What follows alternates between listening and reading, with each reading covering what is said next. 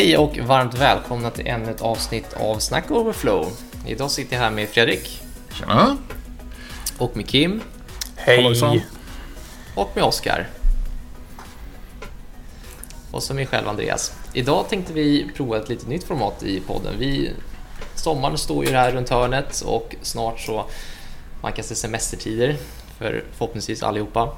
Och då tänkte vi att vad passar inte bättre än att då ha Snack Overflow med sig på semestern fast i ett litet miniformat. Så vi tänkte att vi kommer köra en liten serie här med små korta avsnitt och med liksom problemställningen att vi kommer prata om problem som vi har stött på i, i våra uppdrag i, under året. Och det kan liksom vara problem som vi har löst, det kan vara problem rent tekniskt, problem rent organisatoriskt eller vad som helst egentligen. Men problemlösning i ett litet miniformat som ni kan lyssna på när ni ligger och sippar på en pina colada i, i hängmattan. Förhoppningsvis nu att sommarvärmen håller i sig när alla går på semester så att det här inte bara var något, något kort. Men med det sagt så ska vi faktiskt lämna över till, till vårt första problem och då är inte Fredrik jag pratar om utan det är Fredrik som person som ska berätta om sitt, sitt problem. Så varsågod Fredrik, micken är din. Yes. Um, jo, men jag tänkte ta upp det, det första problemet som, som jag tänkte ta mig an är att vi har haft en situation på, på mitt nuvarande uppdrag där vi har, haft, vi har haft stora problem, eller åtminstone varit väldigt knöligt att debugga mycket av vår frontend-kod av, olika typer av legacy-skäl. Alltså, en, vi, vi, vi bygger en, en sån här mikrofrontend-plattform och en ganska mycket, eller liksom en, del, en central del av den här koden eh, paketeras med vår server-side-renderade kod. Eh, och, och, det här är lite så här, men lite legacy-grejer. Och, och, där, har vi ett, där har vi ett problem. Därför att den här koden är svår att byta ut och köra. Den är svår att köra lokalt och få att fungera.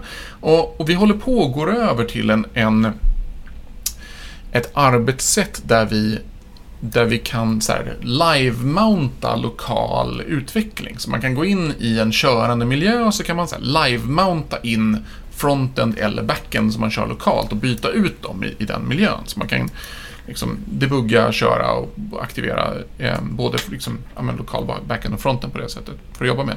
Men det funkar inte för våra allra mest centrala delar.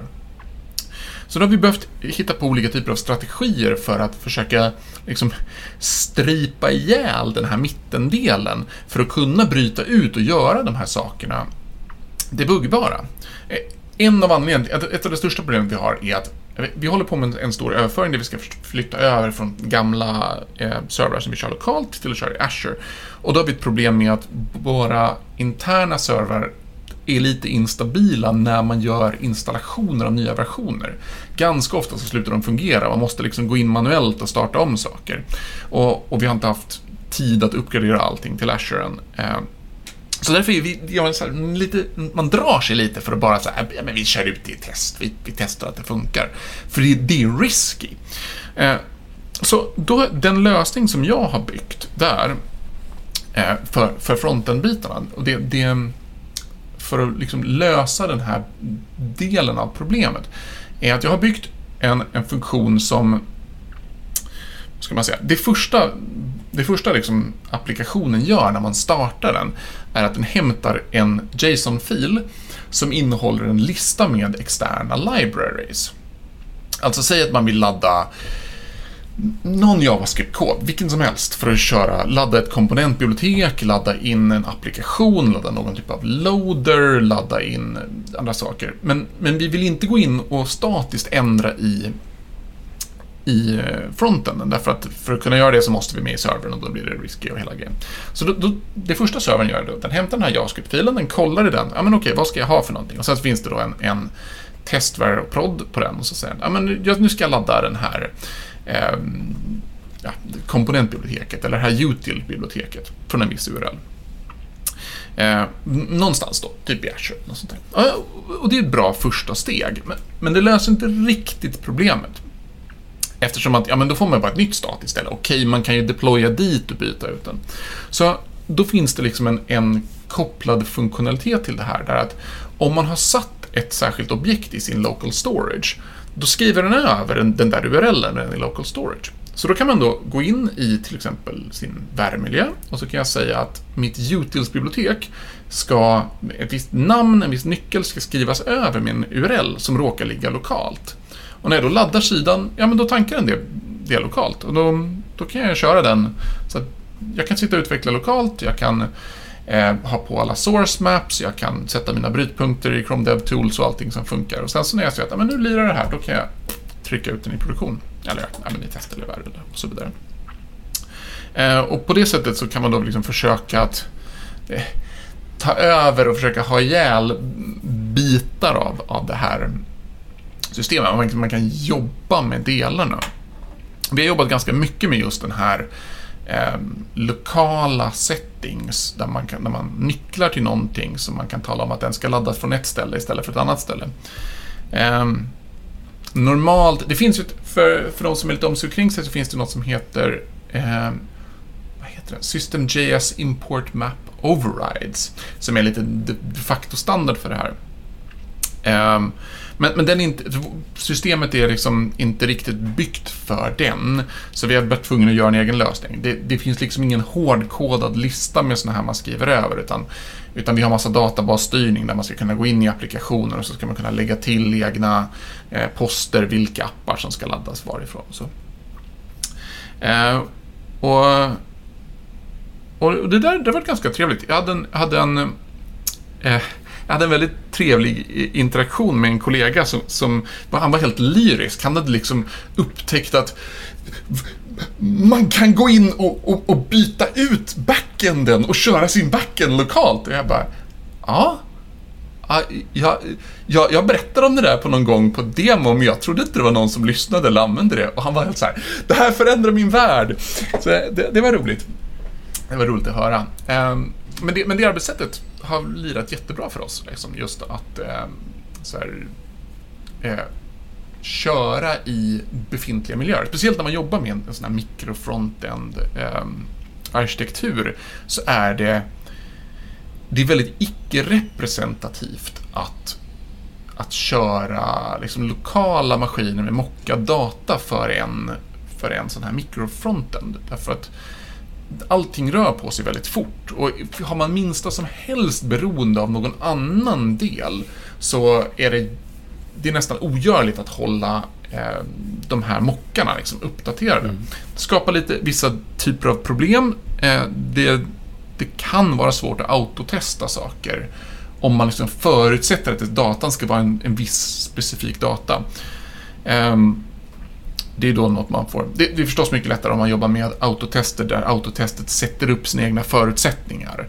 Gå till mm. ett ställe, lägg till en user, kolla att usern har blivit tillagd, ta bort usern efter det mm. eller, eller något sånt. Medan om man ska förutsätta att viss data finns, då, då blir det lite mer komplicerat. Men... Vad tyckte du, Fredrik, vad tyckte du att det var, vad, vad var det svåraste i problemet att lösa och vad tycker du var det roligaste att lösa i det här problemet? Oh, alltså det svåraste för mig, är, det svåraste, det som har tagit mest tid, det är ju att bråka med gamla Webpack-konfigurationer. De, det är typiskt sådär att när allting är uppsatt och det funkar precis så som det ska så lirar det bra, då är det inga problem. Men om man, om man ska in och försöka ändra i syftet på ett bygge. Alltså när, när man inte längre är tänkt att vi ska bygga för att det ska bli en single spa-applikation som ska laddas in. Utan vi ska istället försöka bygga en, en custom element som ska laddas på ett annat sätt så kan det vara, det kan vara nästan ogörligt att brottas mm. med Webpack. Därför att Webpack är så komplicerat och Webpack har så mycket saker som är underförstått. Att man ska veta att det finns en viss loader som har en viss konfiguration där den här, just den här konfigurationen råkar göra vissa saker och så vidare. Sen har jag hittat, um, det finns lite andra roliga anekdotiska saker som att um, vi har en massa avancerad sån här eh, lazy loading när man använder ehm, och alltså, dynamiska importer där Webpack splittar upp det här i olika filer. Typiskt när, när, någonting, när en viss funktion laddas, ja, men då ska den ladda JavaScript från en viss fil. Det är bara det att det används inte. Ehm, så eh, vi, vi, delar upp en massa filer och sen så laddar vi alla filer samtidigt i alla fall eh, i, i vår applikation. Så där har jag tagit det exekutiva beslutet att för alla nya grejer så bygger vi bara en JavaScript-fil. Vi får leva med det. Det är mycket, mycket lättare att, att lira. Liksom. Då bara så här, här är filen, ladda den. Så, hands-off. Vi behöver inte ha några, några manifestfiler som talar om någonting. Trevligare med, med custom elements, eller vad ska man säga, kanske för och nackdel också. Att om man bygger custom elements så måste JavaScripten fin eller CSS måste finnas inne i dina custom elements. Så man får lite så de facto CSS in JS, JS hur man än gör. Mm. Um, vilket, sure, det kanske inte är superoptimerat. Det kan inte jag svara på. Vi har inte haft några liksom, prestandaproblem. Men det är betydligt mycket enklare om man bara system.js, en fil, klart. Ehm. Tolkar jag det rätt då att ni har gått över till, eller ni har jobbat er bort från Webpack nu då? Eller? Ja, Eh, vi håller på att jobba oss bort från Webpack. Eh, vi kör ES-bildbyggen på en del av våra nya grejer. Det, jag har försökt få ner det till att vara så primitivt som möjligt. Liksom bara bygg JavaScript med så lite liksom, fancy saker runt omkring som möjligt. Det, det är lite grejer man måste, måste liksom specialfixa för när man ska hantera view. Men annars så så är det en bra filosofi att ha. Liksom, ju mer primitivt, ju enklare, ju mindre liksom, mm. fancy, desto bättre. Hur många av teamen använder just den här, den här liksom lösningen eller hjälpmedlet då, kan man väl uttrycka det? Oj, det, det beror lite på. Eh, de här utilities-grejerna, de är egentligen bara till för vårt team, därför att vi vill kunna slå ihjäl våran, eh, våran centralapplikation och göra en, en liksom, nyare generation av det. Medan Eh, vi, vi, har liksom samma arbetssätt för alla sådana här mikrofrontends-applikationer. Och där har vi kanske, eh, där har vi kanske fem eller sex team som har gått över till de nya applikationerna. Eh, det kan vara något, något tiotal applikationer totalt som har gått över till de nya templetsen. Det, det har varit, vi, har, haft en liten, ett influx av, av nya saker nu precis på sistone. Ser du någon, något problem med den lösningen ni har tagit fram, Fredrik? Uh, eh, massor med problem. Eh, men, men lösningen är i alla fall bättre än, än så som det var innan. Um, ja, vad ska man säga? Vad finns det för saker? Vi, man får saker som att vi får ju mer laddningar av JavaScript. Vi får ju fler grejer som laddar. Um, vilket har som för och nackdelar. Det gör det lite lättare att debugga, det gör det lite mer modulärt, men man kan säkert få aningen sämre prestanda. Vi har i och för sig prestandaproblemet på, på den fronten ligger i att vi, vi har enorma superbundles som tar jättestor plats. Där vi har mm. massor med jobb med att karva ut och, och förminska dem. Um,